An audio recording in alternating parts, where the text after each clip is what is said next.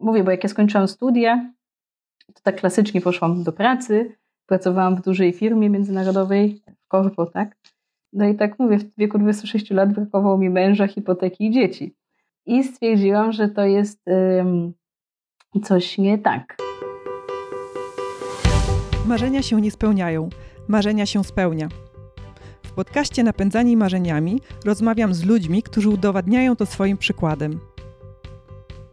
Nazywam się Joanna Borucka i jestem założycielką firmy Katalog Marzeń, oferującej prezenty w formie przeżyć.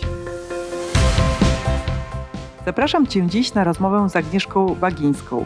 Agnieszka pochodzi z Gdyni, obecnie mieszka w Hiszpanii, w takiej nietypowej jej części, bo w Afryce i dużą część swojego życia spędza na e, rowerze. W zeszłym roku było to aż 100 dni. W tym czasie przemierzyła ponad 5300 km, jadąc z Hiszpanii do Grecji. Z racji poruszonych tematów ten odcinek jest dedykowany szczególnie dla rowerzystów i szczególnie dla tych osób, które e, chciałyby wybrać się w daleką wyprawę, ale troszkę się tego obawiają, a dodatkowo dla wszystkich osób, które szukają inspiracji do tego, jak spełniać swoje marzenia. Zapraszam!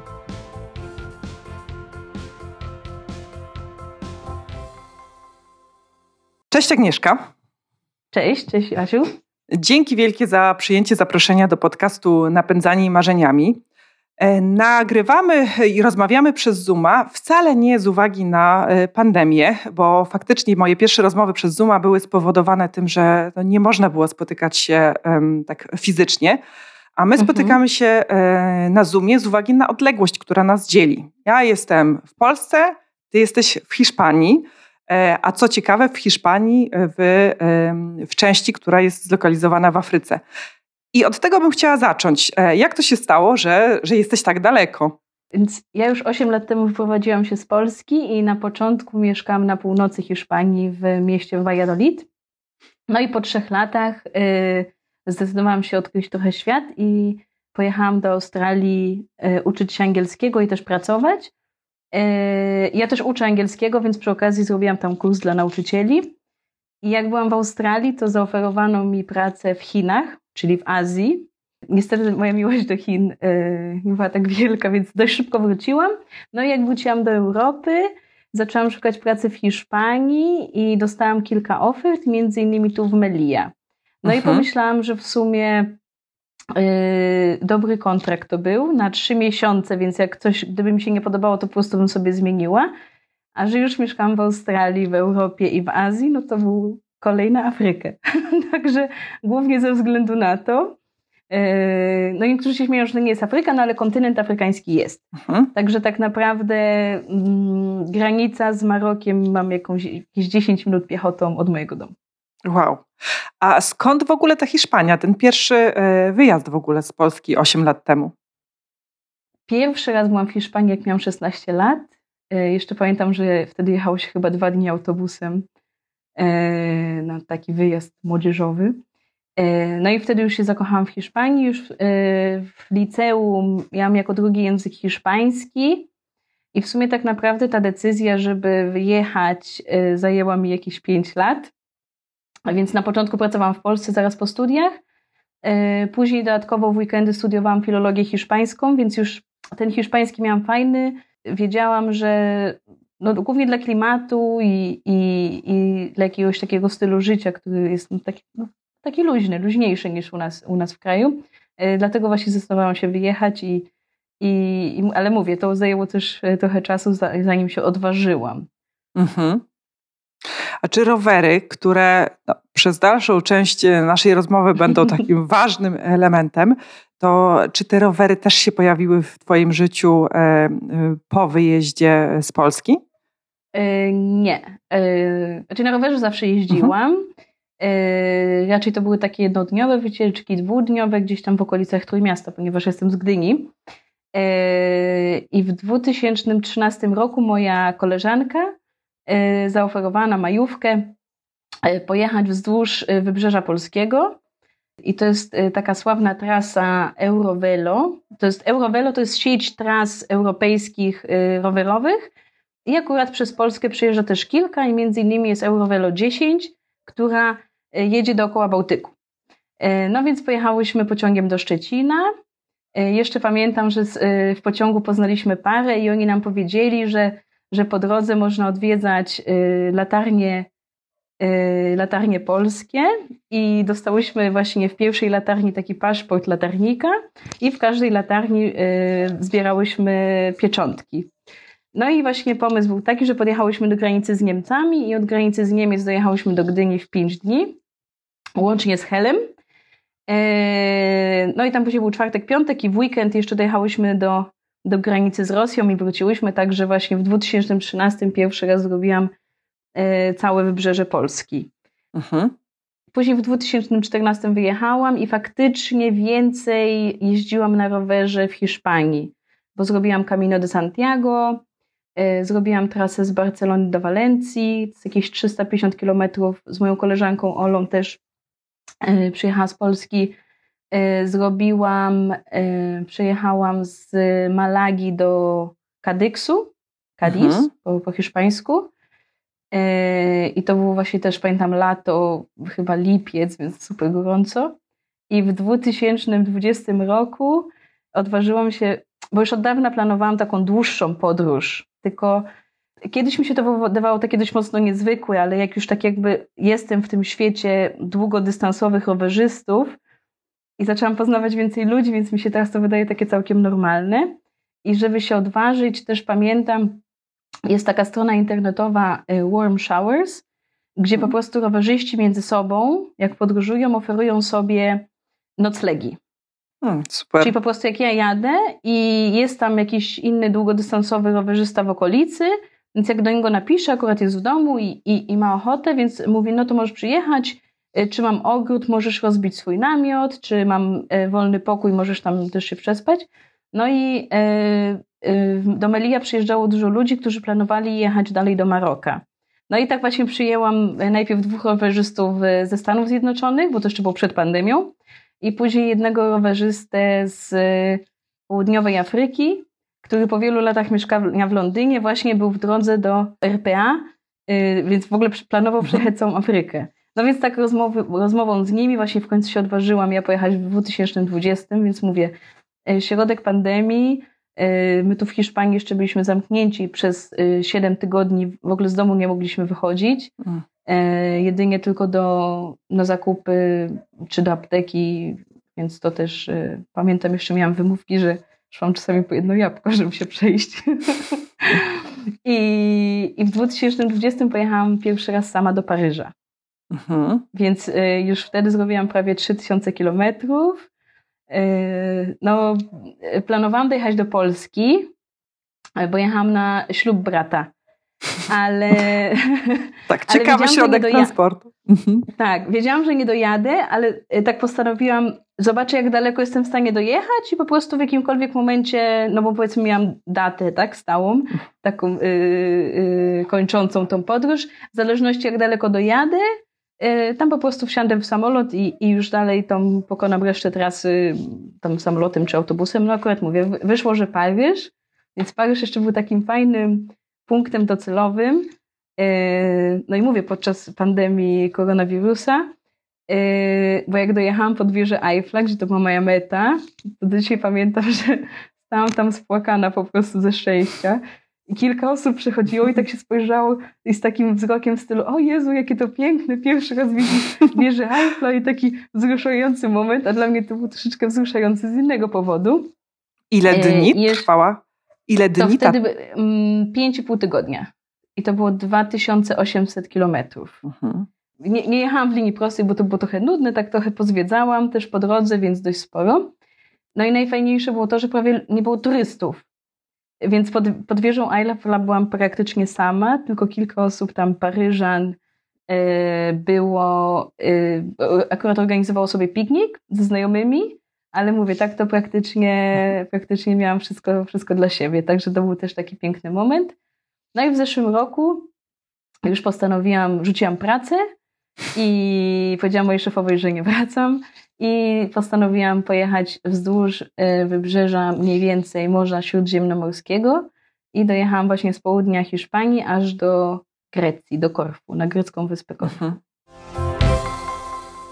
I co cię tak e, ciągnie do tego e, roweru? Widzę taki duży uśmiech na twojej twarzy, więc zakładam, że to po prostu daje ci dużo radości, ale czy jest coś wiem, więcej? E, no co sprawia, że masz ochotę wsiąść na ten rower i jechać nim przez 5 tygodni czy 100 dni, jak w tej ostatniej mhm. wyprawie?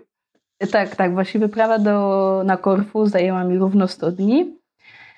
Ja zawsze bardzo lubiłam jeździć na rowerze, zawsze byłam bardzo aktywna. E, też jeździłam z plecakiem po Azji czy po Australii, e, tak zwani, tak mhm. zwani backpackers. E, I też to uwielbiałam, ale ja po prostu chyba potrzebuję więcej ruchu. I, I co też daje mi rower, że ja mogę dojechać do miejsc, do których normalnie powiedzmy autobusem czy pociągiem, czy jak nie masz samochodu, no nie dojedziesz. I to jest takie, no to slow traveling. Więc mhm. ja tak jadę naprawdę powolutku, widzę te wszystkie szczegóły, tą każdą górkę muszę podjechać. Yy, no i są momenty, że dlaczego dojechałam tylko do Paryża? Bo, bo ktoś mi powiedział, a i tam jest największa yy, wydma w Europie. Yy, no to mówię, a no to no to pojadę tam dodatkowe 25 kilometrów. A musisz zobaczyć, nie wiem, jakieś tam wyspę gdzieś tam przy wybrzeżu francuskim. A mówię, mhm. a mam dodatkowe 3 dni, no to, no to zrobiłam trochę, gdzieś tam pojechałam dalej. Więc to też jest takie fajne, że jak ludzie ci po drodze coś um, polecą, to tak naprawdę przez to, że ja planuję może 2-3 dni do, do przodu, mogę zawsze zmienić te plany na spokojnie. Mhm. Czy poznałam na przykład w tym roku, w zeszłym roku, w 2021 poznałam y, rowerzystę z Austrii, Kevina. Y, no i ja planowałam jechać wzdłuż wybrzeża, a on mi pokazał zdjęcia z gór w Czarnogórze. No jak zobaczyłam te zdjęcia, te widoki, powiedziałam, dobra, no nie, jadę przez góry, więc trzeba było tam podjechać, no ale po prostu mhm. były takie widoki, było tak warto. Więc to też ta wolność, to, to, to jest fajne, bo tak naprawdę mm, jeżeli nie masz Y, daty końcowej, to, to możesz robić tak naprawdę co tylko, mhm. czyli pojechać gdzie tylko chcesz, robić co tylko chcesz i, i a masz dużo czasu, no bo też w sumie jest dość tani sposób podróżowania. Mhm. Czyli to tak brzmi trochę jak y, sposób na życie nawet, y, bo 100 dni to jest właściwie niemalże jedna trzecia e, roku. Mhm. Y, I, I mimo wszystko chyba bym nie mogła tak mhm. podróżować przez cały rok. Jest wielu, co, jest wielu rowerzystów, nie znam ich osobiście, tylko śledzę. Chociaż poznałam też niektórych, którzy na przykład pojechali z Alaski do Patagonii na rowerze w 3 lata, gdzie to jest bardzo Nieźle. popularna trasa tak mhm. naprawdę. Mhm. Albo jeden podróżuje już od 6 czy od 8 lat na rowerze. Mhm. Ja pamiętam, był taki moment w Chorwacji, jak jechałam sama. Y, rozmawiałam z moim, z moim chłopakiem, bo on tylko na część, y, on tylko 10 dni ze mną jechał. Y, no i właśnie mówiłam, że Dani, że już jestem, no trochę mi się nudzi, no. Bo to słucham podcastów, muzyki, czasami tam z mamą rozmawiałam przez, przez kamerkę, także coś tam starałam się jakoś sobie urozmaicić. Mhm. Znaczy widoki są piękne, ale wszystko chyba jak jest czegoś za dużo, to w pewnym momencie się nudzi, więc te piękne widoki też nagle zaczęły się nudzić. No i właśnie wtedy poznałam Kevina, więc i, i to była taka fajna zmiana, że nagle miałam towarzystwo, miałam z kim porozmawiać. Tak naprawdę ja nie musiałam codziennie podejmować też decyzji, dokąd pojadę, gdzie pojadę, ile kilometrów i gdzie będę spała, no bo mhm. też jednak są takie e, decyzje, co na co dzień trzeba, e, trzeba podejmować. Y, no i też fajnie z rana było, kiedy ja mogłam sobie na spokojnie y, złożyć namiot, a już jak kończyłam złożyć namiot, to on przygotował na przykład śniadanie albo na odwrót. Mhm. Zawsze mhm. też żeśmy się z tym jakimiś takimi obowiązkami codziennymi rowerzysty dzielili. Więc mówię, ja y, takie trzy miesiące, cztery miesiące, może kiedyś z kimś bym spróbowała nawet na pół roku, gdzieś tam mhm. jeszcze dalej, ale chyba tak, żeby całe życie, sposób na życie, to, to nie. Ja też lubię moją rutynę. Lubię być w jednym miejscu, yy, pójść yy, na siłownię, yy, wyjść na rolki, no nie mogę z rolkami też mhm. ze wszystkim jechać, więc to też jest takie fajne, że ja też lubię właśnie wrócić i jednak mieć takie swoje miejsce. A właśnie taka przygoda na kilka miesięcy jak najbardziej, ale właśnie zawsze mieć ten, ten, ten, mhm. tą bazę, nie? Tak, bazę, tą taką stabilizację, kotwicę, coś, co y, daje poczucie bezpieczeństwa chyba, tak? Że potem się człowiek wyrywa e, właśnie w kierunku tej wolności, ale jest do czego e, wrócić. Tak, to jest jednak mhm. właśnie no, to bezpieczeństwo, to jest, no tak, tak, dokładnie. To, to, to by było to, co, to, co ja bym mhm. właśnie tak to opisała. No. Zaczęłaś opowiadać o takich rzeczach e, organizacyjnych i o to bym Cię mhm. chciała właśnie wypytać. Począwszy od tego, jak ty planujesz swoje wyprawy? E, może na przykładzie tej ostatniej, tej e, z Hiszpanii do e, Grecji. Czy to jest tak, że ty wiedziałaś, no dobra, to ja wyjeżdżam w dniu X i w dniu Y zamierzam mhm. dotrzeć do miejsca takiego, że po drodze będę jechać tą trasą, konkretną trasą, właśnie, mhm. że tam, nie wiem, może nawet aż tak, że dnia pierwszego ty śpisz tu, potem tam, potem w kolejnym miejscu 100 dni i trasa, mówiłaś o górach, e, to mhm. też wymaga przygotowania kondycyjnego, przygotowania, nie wiem, może pod takim kątem mm, jakimś pewnym formalnym, e, chociaż to jest Europa wszędzie, więc sobie odpowiadam, że może to nie jest takie wyzwanie. E, no, trzeba zebrać fundusze, zastanowić się, co w ogóle zabrać w sakwy. To jak ten mhm. proces mhm. przed wyprawą wygląda? Przygotowania. Ja, ja się zawsze śmieję, że ja tak naprawdę się nie przygotowuję do tych podróży. Raczej na przykład w tym roku ten grecki wypad, ja powiedziałam, że dojadę do Grecji, ale założeniem było dojechanie do Aten. Mhm. Ale mówię, też nie robię dramatu, jeżeli tam nie dojadę. Tak samo za pierwszym razem miałam dojechać do Polski, dojechałam do Paryża i byłam przeszczęśliwa. Mówię, do Grecji dojechałam, bo to była Korfu, no ale Korfu jest zaraz przy Albanii, więc tak naprawdę ja z Albanii wzięłam prom na Korfu i już byłam w tej Grecji i powiedziałam, okej, okay, to koniec. Ta moja podróż w tym roku miała trwać, w zeszłym roku miała trwać troszeczkę dłużej, ale w pewnym momencie moja szefowa do mnie zadzwoniła i przez to, że jesteśmy, gdzie jesteśmy w Afryce, niezbyt wiele ludzi chce przyjechać i uczyć tutaj angielskiego, bo ja tutaj uczę angielskiego. Więc to też jest dość ważne ze względu na później na moje fundusze. Hmm. Yy, więc ja pracuję od września do czerwca, więc ja zawsze mam te dwa i pół miesiąca w wakacje wolne, niepłatne. No ale powiedzmy, y, oszczędzam, pracuję dość, y, dość dużo w y, przeciągu roku i później mogę sobie pozwolić właśnie, żeby pojechać sobie na takie dłuższe wakacje. No i zadzwoniła moja szefowa, chyba jak byłam we Włoszech i powiedziała, że nie może nikogo znaleźć i czy nie chce wrócić. No ja powiedziałam, że we wrześniu nie, no bo, bo muszę odpocząć, bo jednak Melia ma 12 km kwadratowych, to jest dość malutko. Mhm. A to jest, to jest wyspa? Nie, nie, nie, nie, nie. Ale jesteśmy otoczeni, mówię, bo, bo, jesteśmy otoczeni granicą z Maroko i od mhm. czasów y, pandemii granica jest zamknięta. Y, więc na początku właśnie to było przez pandemię, no ale też tam jest jednak między Hiszpanią a Marokiem od dawna taki konflikt migracyjny, mhm. więc oni też, y, no Maroko chciałby, żeby Melia należała do oni, więc to mówię, to już tak politycznie ciągle jest zamknięte, więc tak naprawdę my jesteśmy troszeczkę jak taka wyspa. Mhm. Bo, bo, bo, ja nie mogę poza, poza granicę tutaj y, wyjść, a za każdym razem jak chcę pojechać na Półwysep Iberyjski, no to y, na tą, do Europy, no to muszę wziąć albo popłynąć promem, albo samolotem polecieć. Więc ja się troszeczkę czułam taka przytłoczona i mało mi było tego roweru, więc ja powiedziałam, że we wrześniu jest za wcześnie dla mnie, żeby wrócić. No i się spytała, czy nie chciała wrócić w październiku. Ja mówię, nie, nie, że w październiku będzie jeszcze za wcześnie.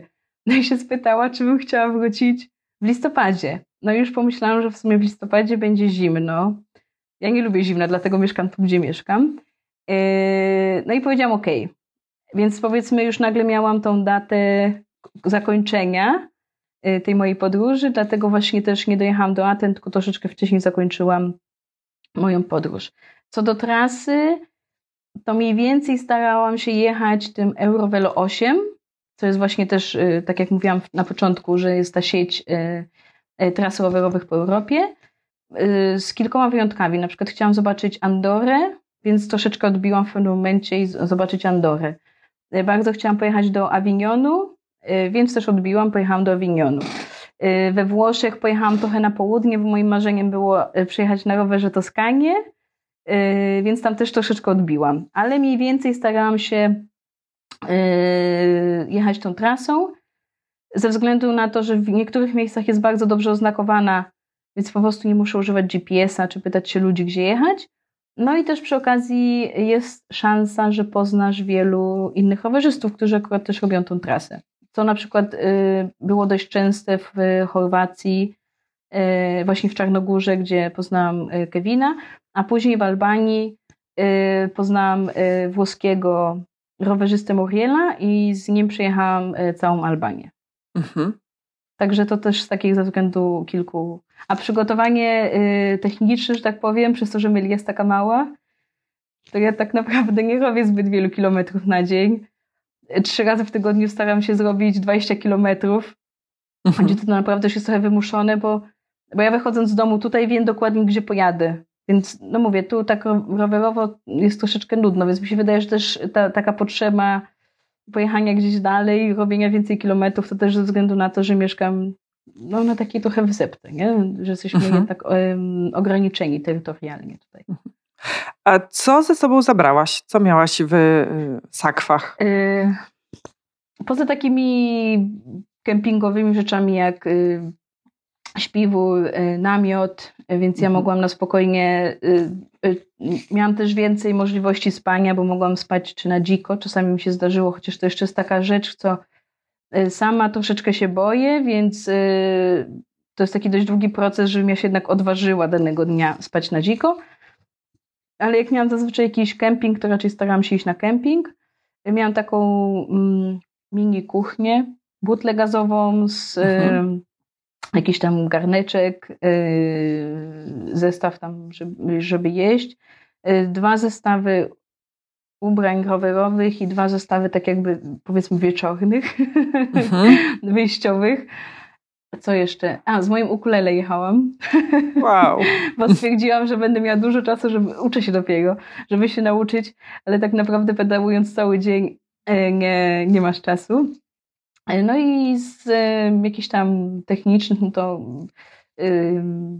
aparat, znaczy aparat bardziej w telefonie, czytnik, y, tam Kindle mam, żeby wiadomo, wieczorami, żeby poczytać.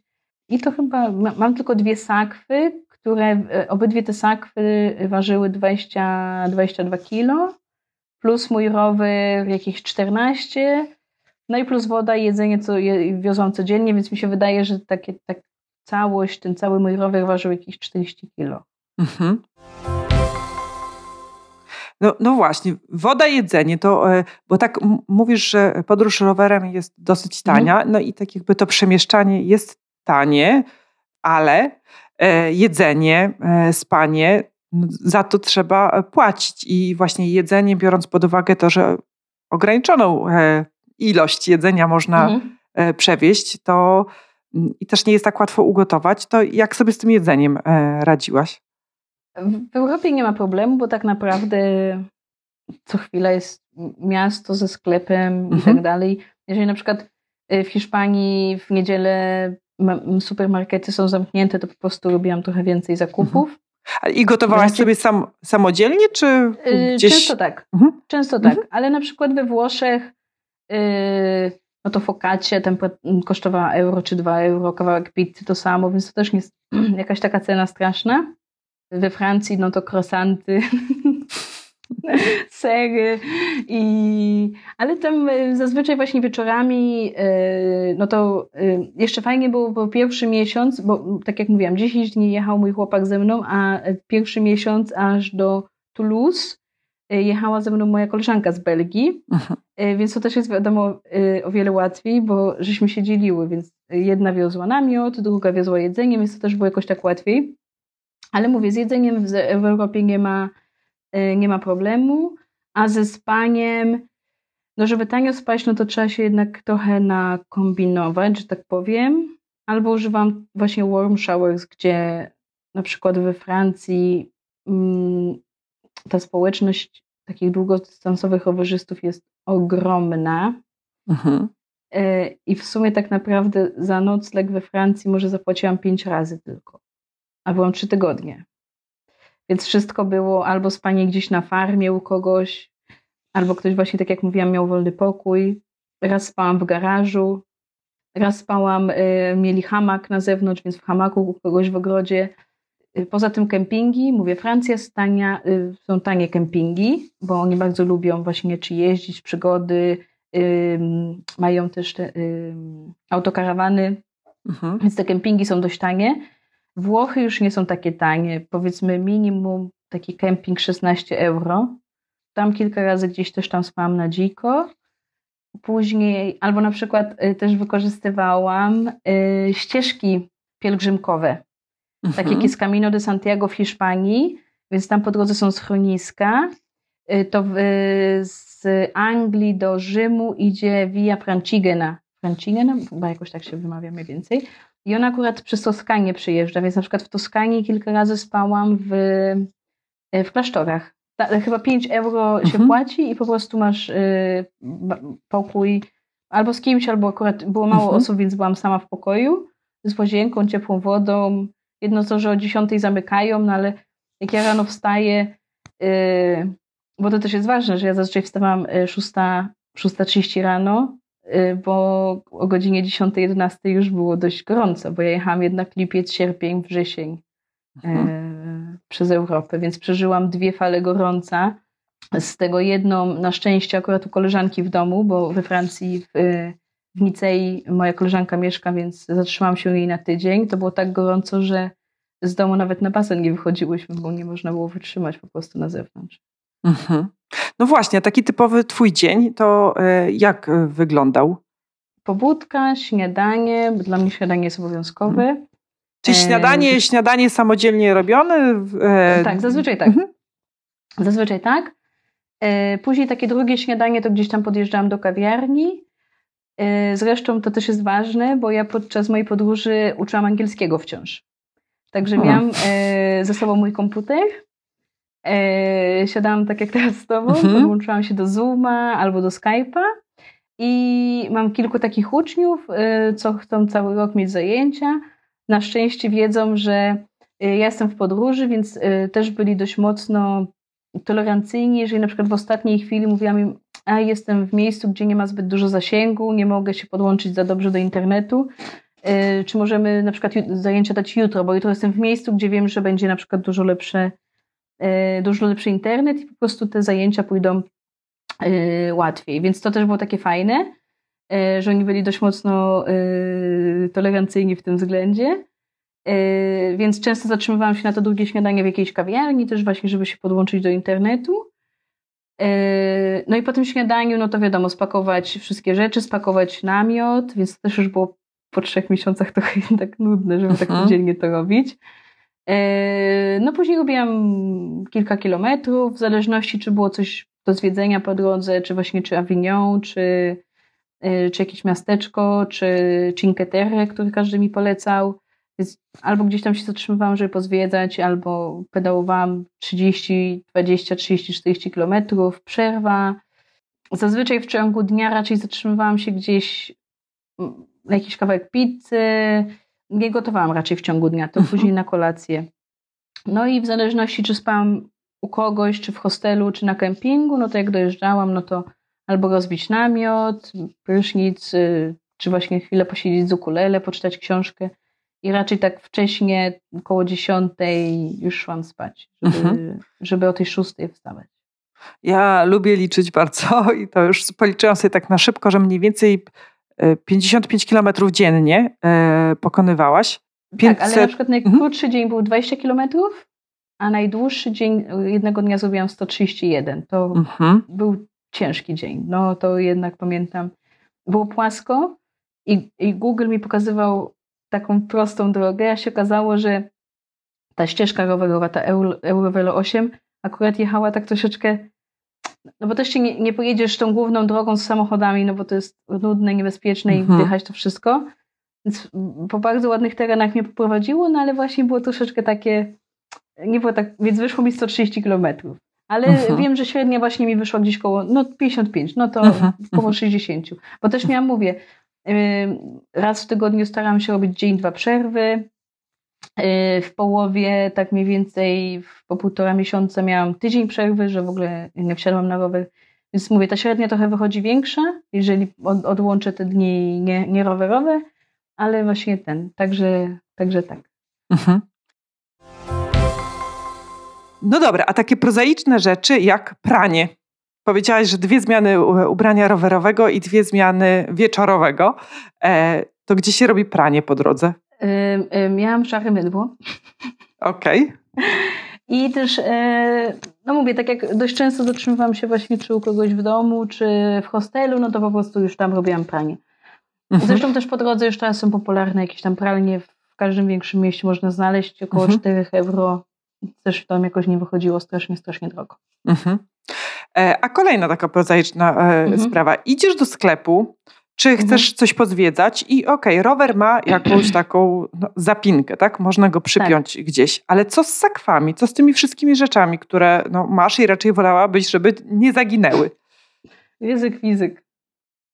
Także y, miałam dwie sakwy i miałam taki zwykły plecak, y, więc w plecaku miałam powiedzmy to, co miał jakąś tam wartość większą, y, mój komputer, znaczy laptop i, i jakiś tam właśnie czy telefon i tak dalej, i tak dalej, portfel. Więc po prostu zdejmowałam, zdejmowałam ten plecak, go zakładałam i szłam mhm. zwiedzać. Y, czasami w niektórych miastach, y, jak się pytałam na przykład w, w informacji turystycznej, to pozwalali mi zostawić rower w środku, a na przykład do supermarketu to raczej nie wchodziłam do supermarketu w dużych miastach, raczej to robiłam w, miały, w małych miasteczkach e, albo w jakichś takich willowych, e, przywillowych dzielnicach. Ale to też było właśnie na zasadzie, że zostawiałam, przypinałam, ściągałam ten plecak, no sakwy tam zostawały, bo po prostu są zbyt niewygodne, żeby z nimi iść. E, szybko wchodziłam, kupowałam to, co, to, co potrzebowałam i wychodziłam. Także no i znowu, jak jechałam z kimś, to było y, o wiele wygodniej, no bo wtedy już było, y, że ktoś tam, jedno zostawała na zewnątrz, drugi wchodził do środka i, i to było mhm. jednak też wygodniejsze. Ale mówię, zazwyczaj no, ryzyk fizyk i, i albo pytałam się kogoś, czy ktoś by, ktoś by y, czy ktoś by tym się nie, nie, nie, mhm. nie, zajął, na przykład tak jak właśnie w tych informacjach turystycznych. Mhm. Dlaczego tak pytam Cię o takie może prozaiczne rzeczy, bo ja myślę, że wiele osób e, myśli na takich wyprawach, że chciałabym, ale się boję. No i, mhm. i boją się przeróżnych rzeczy. E, właśnie od takich najprostszych właśnie, a gdzie uprać, a w ogóle to mhm. nie, nie wiem, to nie zmieszczą mi się te rzeczy w dwie sakwy, przecież to nie da się spakować na taką długi no, to trzeba jednak, czas. No właśnie, a co z tym y, sklepem, a gdzie spać i tak dalej. I teraz właśnie dzięki temu, że opowiadasz, że wszystko się da i, e, mhm. pokazujesz konkretne przykłady, to tak mam nadzieję, że właśnie słuchacze i słuchaczki może poczują, że te obawy, mm, że ta, jest możliwe, żeby sobie z nimi e, poradzić. Kwestia też strachu, bo to mi się wydaje też dość mocno ważne, bo tak naprawdę ja wciąż, tak naprawdę ten strach był codziennie no bo to jest dość mocno stresujące, mhm. gdzie ja będę spać, gdzie pojadę, a czy tam będzie fajna trasa, a czy na przykład nie jest zamknięta droga, czy nie będę musiała się wracać, więc tak naprawdę ja ten, ten strach musiałam pokonywać codziennie. Ale się mówi, że jak coś jednak pokonujesz codziennie, mhm. już tak trochę oswoiłam ten strach, ale to nie jest to, że on nie, nie istnieje. Po prostu ja jestem do niego tak przyzwyczajona, że mogę też przewidzieć dużo rzeczy, co może się wydarzyć, ale to wciąż nie jest wszystko. Także to mówię, ten strach jest jednak mhm. obecny codziennie, naprawdę codziennie, ale tak e, przez to, że on jest właśnie codzienny, to już jednak go trochę oswajasz i, i się do niego przyzwyczajasz, więc gdzieś tam jest to wszystko łatwiej. Ale to, to nie jest tak, że na przykład teraz pojadę, w tym roku planuję jechać do, na Islandię, e, no to też to będzie w sumie wyzwanie, no bo tak, dolecieć tam, dużo zimniej, e, a jak jest włożegowy, znaczy ja to umiem zrobić, ale to jednak jest wciąż coś takiego, że jeszcze nie dominuje tej, yy, nie dominuje tego, więc to jednak tej zdolności, nie wiem, czy mhm. powiedzieć zdolności, także to jeszcze jest takie, takie, takie będzie takie no, nowe, nowe doświadczenie, także to mhm. też jest fajne. A miałaś jakieś takie sytuacje kryzysowe, trudne, kiedy no już pomyślałaś sobie, no nie, no następnym razem to ja już, to już nie jadę, albo w ogóle zatrzymuję się, dzwonię po pomoc, wracam do domu. W tym roku raz mieliśmy taką trochę niebezpieczną sytuację, że, że prawie po prostu jeden samochód nas wyprzedzał i z naprzeciwka jechał drugi i one się zderzyły akurat obok nas. Na szczęście nie odrzuciło mhm. tego samochodu, bo gdyby go odrzuciło, to po drugiej stronie była ściana. Więc po prostu wtedy chyba, no, raczej byśmy tego nie przeżyły. To było we Francji. Zaskakująco Francuzi moim zdaniem są jednymi z gorszych kierowców w Europie. Nawet Włosi nie byli tak straszni stosunku do rowerzystów, znowu powtarzam. I później właśnie chyba tak jak mówiłam, y, już trochę, trochę z nudów y, w tej Chorwacji, y, że już właśnie tak stwierdziłam, że nie, no, że też jest takie nudne, że już chyba nie pojadę drugi raz w taką długą podróż ale zauważyłam, że jak odpocznę właśnie tydzień, dwa tygodnie, to znowu mi wraca, że jednak bym dalej mogła pojechać. Mhm. Tylko mówię, właśnie co chwila, co jakiś czas trzeba gdzieś tam na dłużej się, na dłużej się zatrzymać. Więc na przykład gdybym planowała dłużej jechać, e, no to w Serbii mam e, na przykład bardzo dobrego kolegę, e, więc miałam gdzieś tam plan, żeby na przykład u niego się zatrzymać na dwa, trzy tygodnie, żeby odpocząć od tego podróżowania, żeby powiedzmy trochę mieć taki krótki okres takiej rutyny i później znowu bym mogła wsiąść na ten rower. Ale to faktycznie raz na jakiś czas ja potrzebuję takiego odpoczynku i to wielu rowerzystów powie. To nie jest tak, że jak jedziesz na rowerze, to przez 6 miesięcy codziennie będziesz jechał na tym rowerze. Potrzebujesz mhm. też te momenty właśnie odpoczynku. Dzień, dwa, tydzień, dwa tygodnie. A jak twoi e, bliscy? Wspomniałaś o tym, że e, w jednej z wypraw e, dołączył do ciebie twój chłopak. No mhm. ale to była na niewielką część tej wyprawy, no a poza tym mm, no, jeszcze pozostała rodzina, bo czasem jest tak, że no mamy bardzo wspierających bliskich, a czasem jest tak, że my bardzo chcemy, no i patrzą mhm. na nas trochę, że no kurczę, pomysł z kosmosu, no poszłabyś do pracy, pojechałabyś, nie wiem, po prostu do Egiptu, gdzieś nad morze i ten, tak. E, to mam e, śmieszną e, historię z moją mamą, bo ona rok temu, znaczy ona wiedziała, że ja tak sobie jeżdżę czasami na 5 dni i to było takie okej. Okay. Już, po, no mówię, już to była chyba moja mm, siódma wyprawa, więc już powiedzmy na te 5 dni była przyzwyczajona. Ale jak jechałam do tego Paryża, to na początku powiedziałam mamie tylko, że jadę do Walencji. Mhm. A w Walencji powiedziałam, że jadę do Pamplony. A w Pamplonie powiedziałam, że przekroczę granicę we Francji i wtedy się zdenerwowała. Także jej tam starałam się też to, tego nie mówić.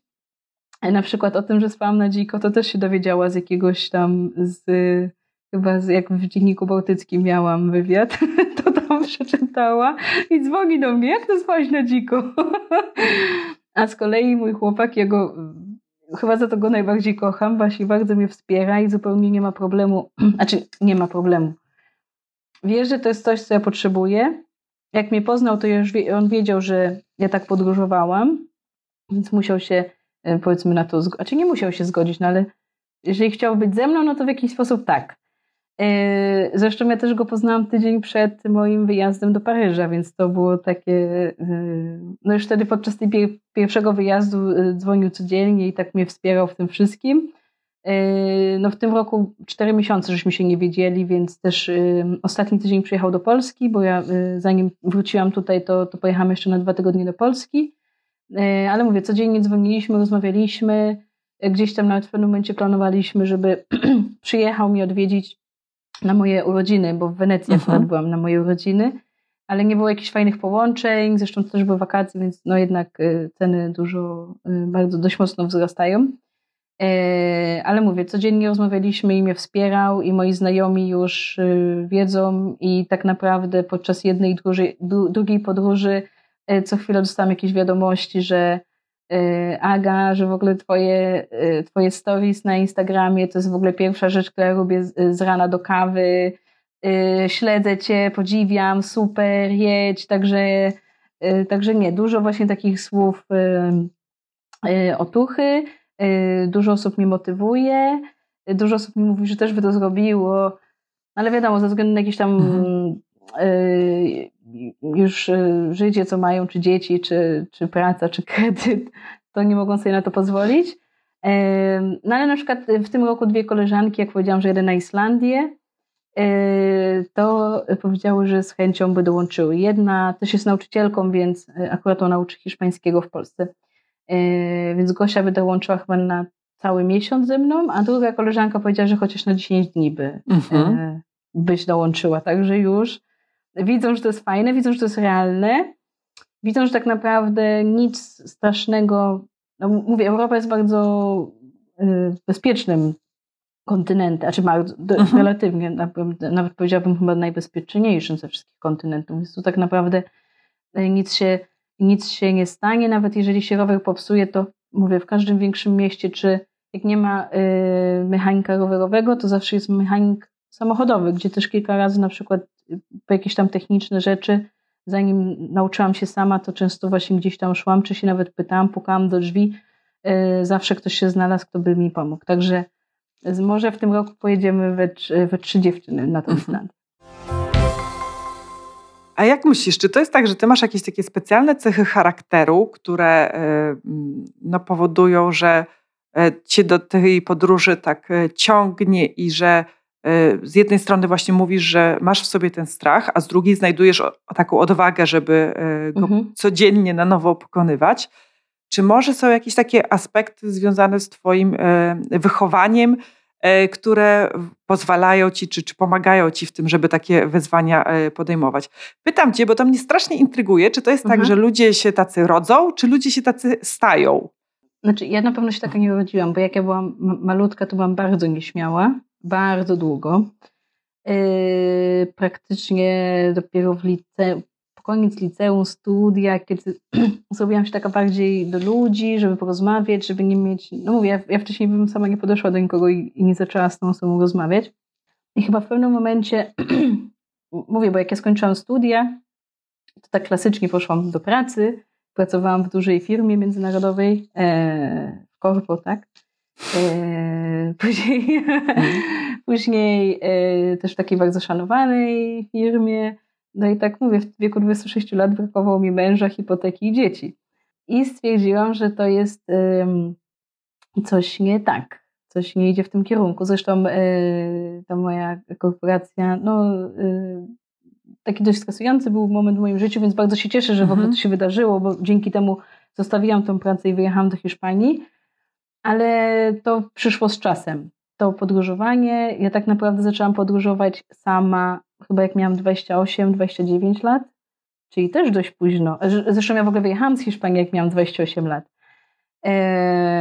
I później właśnie y, też wyszło tak, że pojechałam do tej Australii sama, czy tam mam rodzinę, y, więc y, akurat zatrzymam się u wujka, ale w sumie tam sobie sama zorganizowałam pracę, te studia, tam też dużo podróżowałam. Yy, I tak naprawdę na przykład do Azji pierwszy raz poleciałam z plecakiem yy, w wieku 33 lat, 32, 32 lat. Mhm. Ja jeszcze do dzisiaj pamiętam, jak lądowałam w Bangkoku. Tak, I to też kupiłam bilet w jedną stronę. Tak spojrzałam się na tą Azję i mówię, co ja tu robię. Więc tak naprawdę chciałam wylądować i wracać. Ale mi się wydaje, że, że mi się chce. Znaczy wielu ludziom się chce, ale wie, bardzo mało ludzi coś robi w kierunku tego, co, co chcą robić. Dokładnie, tak. I ja też mam momenty, że mi się często nie chce czegoś, ale to robię. Bo wiem, że nie osiągnę czegoś, jeżeli tego nie zrobię. Więc tak naprawdę moim marzeniem było pojechać tą podróż. Więc mówię, ja, dlaczego ja też się nie przygotowywałam za bardzo? Bo mi się wydaje, że im mniej się myśli, na, na, im mniej się coś przygotowuje, tym po prostu ładniej, łatwiej podjąć ten krok. Dlatego po prostu wstałam, spakowałam te moje y, y, sakwy i, i popedałowałam. I to była po prostu najprostsza forma. Więc mi się wydaje głównie, że chodzi o to, że, że, że, że mi się chce. Ale mówię, że to ja taka się nie urodziłam, więc mhm. to gdzieś tam przyszło z czasem. To był też stopniowy proces. No bo mówię, na początku pierwszy raz pojechałam z plecakiem na, na tydzień do Włoch, więc było takie dość takie nieśmiałe, że tak powiem. E, później gdzieś tam coraz dalej, coraz dalej, coraz dłużej. No i teraz widzę to, jaką fajną przygodę. Mówię, ten strach jest, ale wiem, że też ta nagroda za to, że ja pokonam ten strach, czyli ta przygoda, poznam nowych ludzi, zobaczę nowe miejsca, nowy kontynent, spróbuję nowego jedzenia, ta nagroda jest tak duża i ta, tak atrakcyjna, że warto przełamać ten strach. Mhm. Agnieszka, jest jeszcze cała masa rzeczy, o które ja bym Ciebie e, chętnie wypytała, ale tutaj, żeby dać szansę słuchaczom, nie przerazić ich mhm. długością naszej rozmowy. tak, to tak, tak, no to nie... tak, to zbliżając się do końca, chciałabym się Ciebie zapytać, czy jest jakaś wiem, myśl, może czasem cytat, a może jakiś wniosek, lekcja, coś takiego, co tak na koniec rozmowy chciałabyś, żeby wybrzmiało, żeby dotarło właśnie do słuchaczy, żeby wsparło ich w realizacji ich marzeń? Y, ja mam chyba takie, y, takie dwa ulubione zdania. Y, znaczy one są po angielsku, ale mhm. tłumacząc je, to jedno by było to nie jest kwestia pieniędzy, tylko odwagi. Bo, bo, bo, bo mówię, mówię, taka 100 dni w podróży, to tak naprawdę dla kogoś są dwa tygodnie w Meksyku na przykład. Tak. Yy, I, tyle, I taki sam koszt by wychodził tak naprawdę. A drugie, yy, zerwałam z moim strachem, żeby poślubić moje marzenia. Piękne. I broke up with my fear to marry my dreams. Mhm. Piękne. Także jeszcze fajnie to pasuje akurat do twojego podcastu. Dokładnie tak. No. Bardzo e, Także bardzo to są piękne. takie dwa moje ulubione. No. Mhm. Mhm. Słuchaj, to ja trzymam bardzo e, mocno kciuki za realizację Twoich e, Dziękuję. kolejnych e, wyzwań rowerowych i wszelkich innych. Mam nadzieję, że będziemy mieć jeszcze okazję gdzieś porozmawiać i się spotkać, nawet jeśli to będą tylko media społecznościowe. To też jest, to jest ten duży plus mediów społecznościowych, że bardzo je za to lubię, że dają możliwość takiego podtrzymania kontaktu. I ja niezmiennie, e, i ja niezmiennie po jak. E, mm, ja, ja mam jedno wyzwanie z prowadzeniem mhm. tego podcastu. Ja po każdej takiej rozmowie mam ochotę zrobić to, co robi mój gość. I, i, e, i nie wiem, jak sobie z tym poradzić, ale no jakoś to już jakoś będę trawić, trawić później. W każdym razie trzymam kciuki. Życzę powodzenia, dziękuję. no i do zobaczenia gdzieś w przyszłości. Do zobaczenia, Asiu, dziękuję bardzo za rozmowę. Będę się powtarzać. Ja po prostu uwielbiam moich gości i mam niesamowitą przyjemność e, rozmowy z nimi, dlatego że to są ogromni pasjonaci. Bardzo lubię ten wielki uśmiech e, na twarzy i uśmiech e, w głosie, bo go zarówno widać, jak i słychać. Kibicuję ogromnie Agnieszce w realizacji jej kolejnych e, wypraw. I pomimo tego, że za oknem jest e, szaro, jest chłodno, pada, to mam wielką ochotę, żeby wsiąść na rower. Mam nadzieję, że Was również Agnieszka obudziła chęć do tego, żeby marzyć i do tego, żeby działać aktywnie w kierunku spełniania tych marzeń. Zapraszam serdecznie już niedługo po kolejną dawkę inspiracji i będę bardzo wdzięczna za podzielenie się e, opiniami, Waszymi wrażeniami z wysłuchania tego podcastu w mediach społecznościowych. Mam nadzieję, że do usłyszenia ponownie już wkrótce.